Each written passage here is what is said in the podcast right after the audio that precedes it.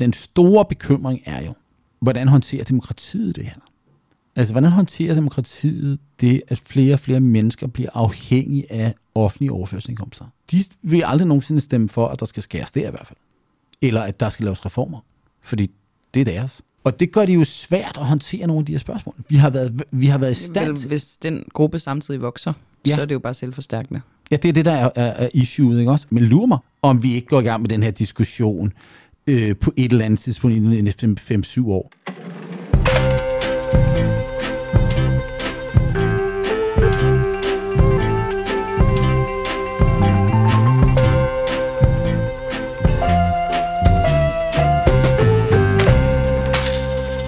Moderaterne mener, at pensionssystemet skal baseres på egen opsparing, så demografiske risici undgås. At staten skal betale opsparingen for borgere, som er uden for arbejdsmarkedet. At en del af pensionsopsparingen skal øremærkes fremtidige behov for hjemmehjælp og ældrepleje. Velkommen til, Lars Christensen. Mange tak, Camilla, og velkommen tilbage. Tak skal du have. Er du blevet rask? Ja, sådan da. Lidt Godt. syg er man vel altid. Jo, jo, men det er, det er vi. Vi er lidt skøre, men, men, øh, men, men, men nu er du ikke sådan Altså, min krop kan feberramt. i hvert fald være her. Det er godt, det er jeg glad for. Øh, jeg laver en, øh, det, man kalder en medias res introduktion her. Mhm. Mm-hmm. En cold open på, øh, jeg mener det er side 31, 32, et eller andet i Moderaternes partiprogram. Jeg tror faktisk, det er side 31, ja. Øhm, som jo blev en form for lille bombe under valgkampen. Og så hed historien, Lars Lykke vil afskaffe folkepensionen. Ja, det var da noget værre noget, var. Og det giver jo anledning til sådan lidt på bagkant at snakke om folkepensionen og pensionsreformer i Ja. det hele taget. Det er på din foranledning, skal jeg skynde mig at sige. Ja, og det var jo sådan set, fordi at da det her det kom op, så tænkte jeg, at det, det, var sådan noget, det var sådan noget typisk valgnået, ikke? Og nu skal vi skræmme nogle folk fra den ene og den anden vej, og øh, tage noget ud af kontekst og sådan noget. Og så, så fik jeg det så modsat sådan lidt, jamen okay, øh, det her er jo, det der egentlig bliver sagt her, det, det, det synes jeg jo er en, en fornuftig diskussion at have. Øh, I en bredere forstand, som handler om, hvordan, hvad er det egentlig, når man har sådan et velfærdssystem, som vi har i Danmark, for vugge til grav, hvordan er det egentlig, det er indrettet, og hvad er egentlig bevæggrundene for det, og hvordan hænger det sammen i et offentligt finansperspektiv, og de her store demografiske forskydninger, der er. Ja, Og så er det jo faktisk en indlagt- ret, ret interessant diskussion. Jeg kan huske, da, hvis vi, da vi startede på de her diskussioner, så gjorde vi jo på et eller andet tidspunkt i, i, i slutningen af 80'erne, begyndelsen af 90'erne, der kunne man jo godt se, at med det ud, det generøse velfærdssystem, vi har, især det, at vi har en, en, en almen folkepension, så alle det her land skal have en folkepension, og alle det her land har adgang til at komme på sygehuset så kan man jo godt se, at de store efterkrigsgenerationer, babyboomerne, altså der var jo lav befolkningsvækst under krigen, men umiddelbart efter krigen og meget høj befolkningsvækst, og det er jo globalt fænomen, i hvert fald i, i de nationer, der var med i 2. verdenskrig.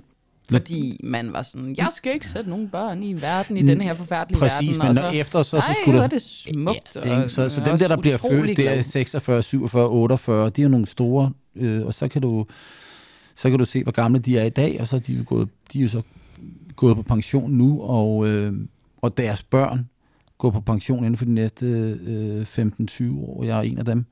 Øh, ja, det er der går nok mere end 15 år, men, men, men øh, øh, og, og, og det, er jo, det, kunne man, det har man jo kunne se længe. Og så er det andet, vi har kunne se, det er jo, at øh, vores øh, levealder, øh, især fra, øh, fra begyndelsen af 90'erne af, begyndt at stige ganske kraftigt i, i Danmark. Og det har man jo godt vidst. Og det har vi jo sådan set diskuteret i den økonomiske politik øh, siden midten af 90'erne af. Øh, vi talte om ældrebyrden tilbage i øh, 90'erne. Det må man ikke sige mere. Det Nej, man ikke sige det måtte man heller ikke sige i, i 90'erne. Og nu vil jeg være Jakob Ellemann. Du siger jo, at Jakob Ellemann, jeg har engang været soldat, det er min hvad? Åh, det kan være alt muligt, Lars. Men du siger, jeg har, har jeg har arbejdet i økonomiministeriet. økonomi- Ja, undskyld. Ja. Ja. Økonomiministeriet, Ja, selvfølgelig. jeg kan huske en gang, Marianne, hun blev pisse sur på mig. Altså Marianne Hjelved, hun var økonomiminister, fordi jeg havde skrevet noget om ældrebyrden, og hun sagde, de ældre er ikke nogen byrde. Øh, Nej, men det er de sgu for skatteborgerne, ikke? Øh, men, men, men ja, så er jo historien jo, hvis man nu fortæller det til pensionister, at at din godser er en byrde, så siger de, at vi har betalt skatter hele vores liv. Og det er jo fuldstændig rigtigt. Men, men, men, men øh, det kræver jo så, at de der skatter, der er blevet indbetalt, de ikke er blevet brugt til at betale nogle andre pensionister, men er blevet sparet op. Og det, der er udfordringen i et pensionssystem, og nu kan vi jo lige så godt kaste os ud i det, det er normalt, så taler vi om øh, fondede pensionssystemer eller pay-as-you-go pensionssystemer.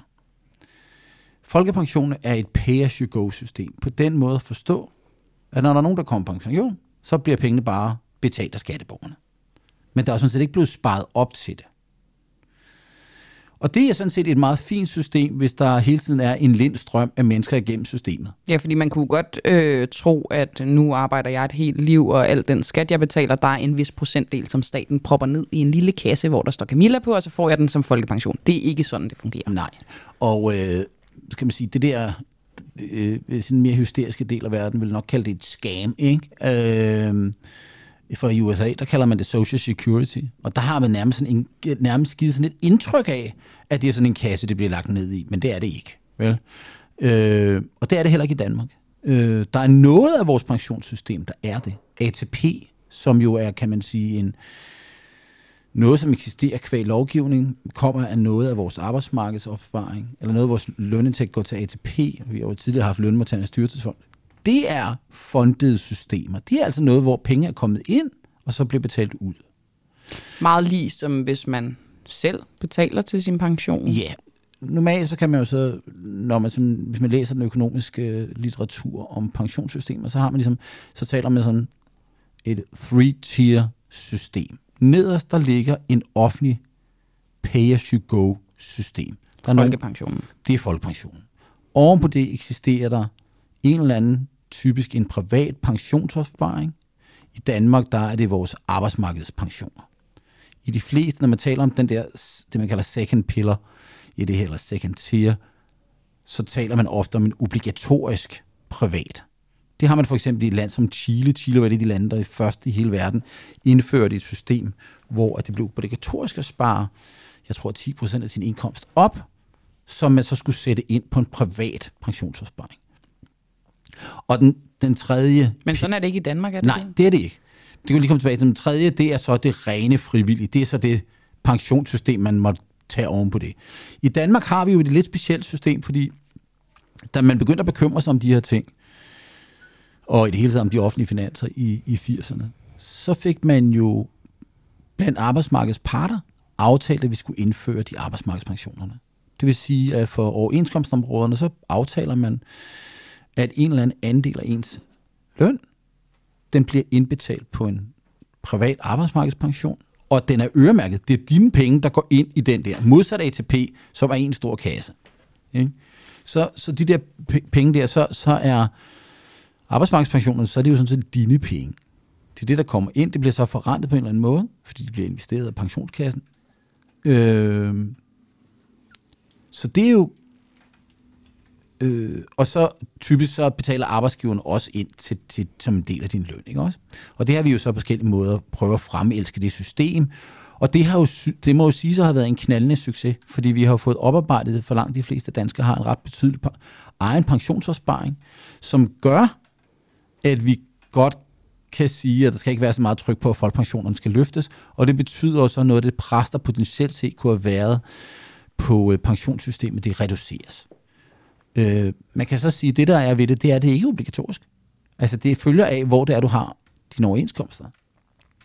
Øh, men der er masser af mennesker, der falder uden for de der rammer. Selvstændige, for eksempel. Øh, freelancer. Freelancer. Øh, folk uden for job. Og så videre, så videre.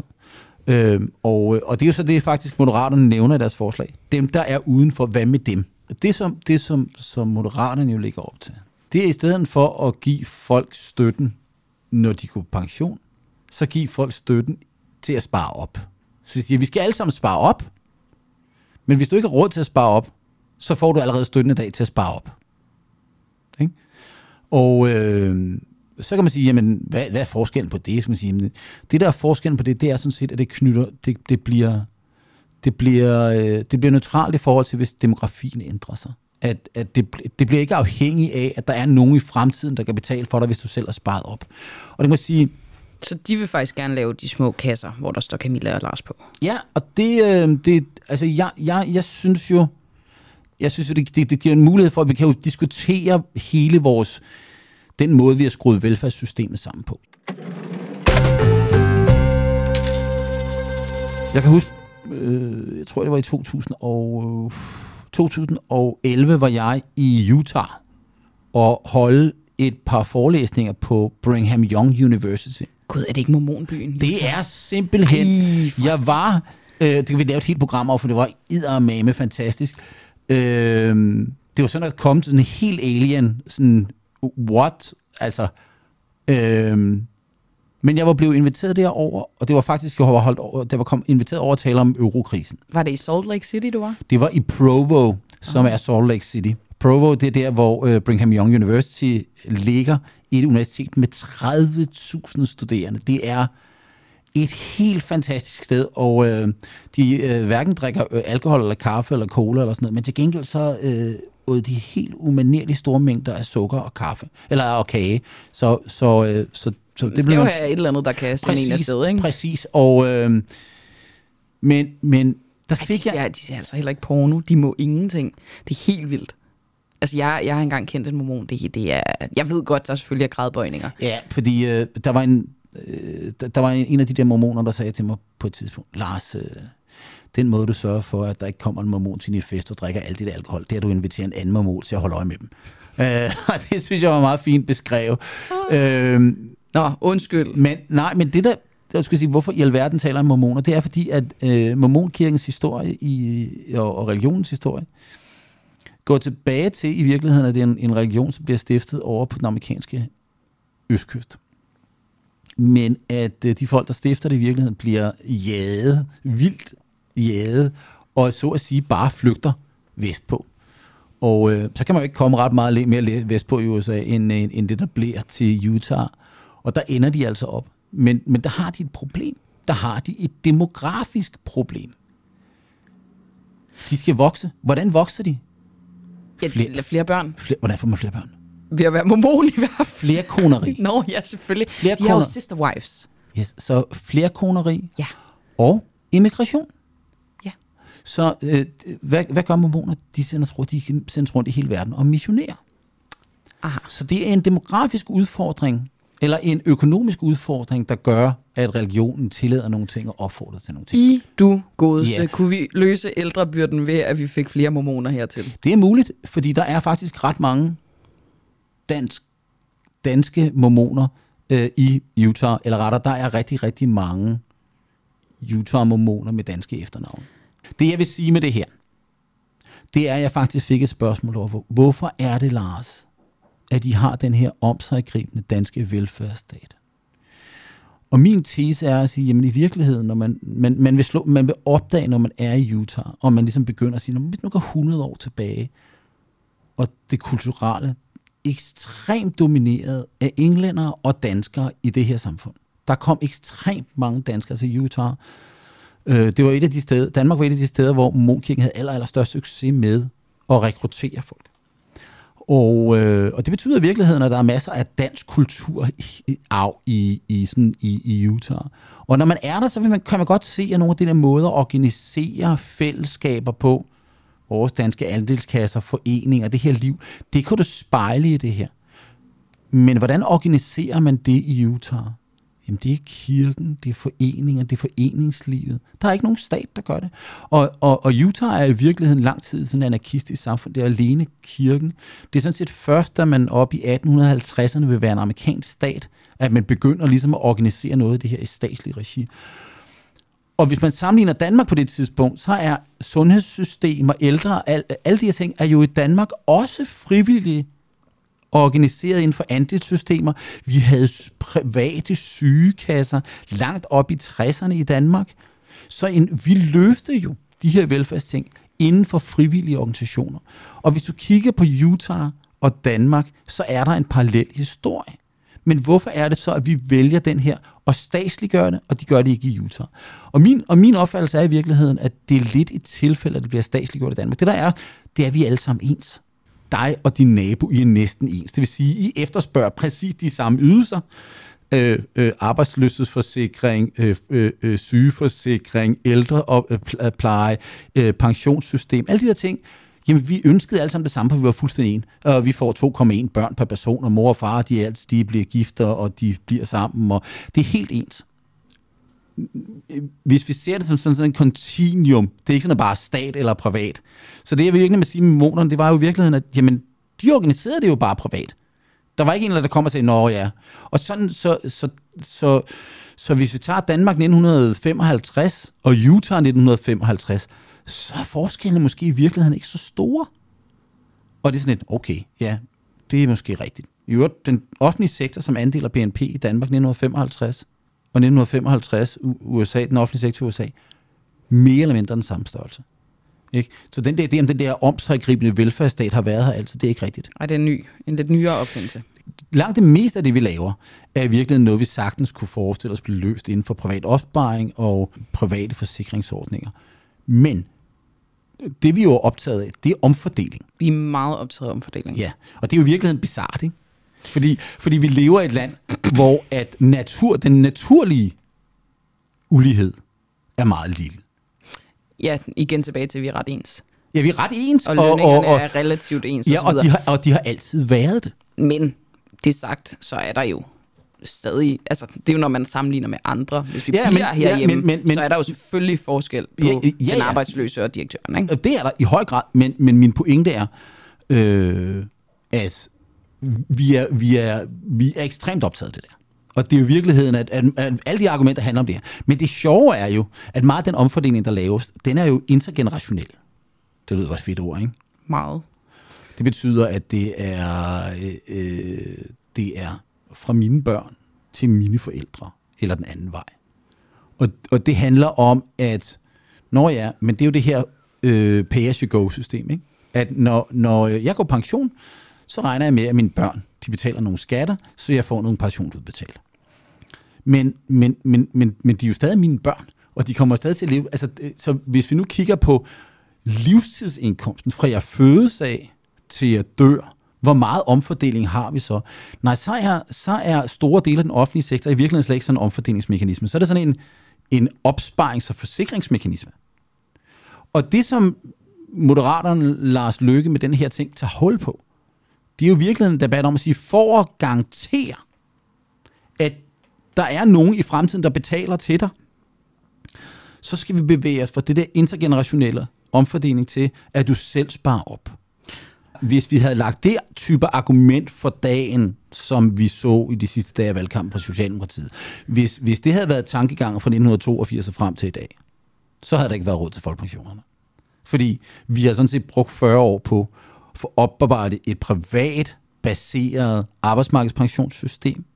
Vi har brugt 40 år på at konsolidere de offentlige finanser og bragt de off- få bragt øh, øh den offentlige gæld meget, meget markant ned. Vi har brugt 40 år på at øge tilbagetrækningsalderen, så vi går senere og senere på folkepension. Vi er ved at udfase efterløn, så der bliver råd.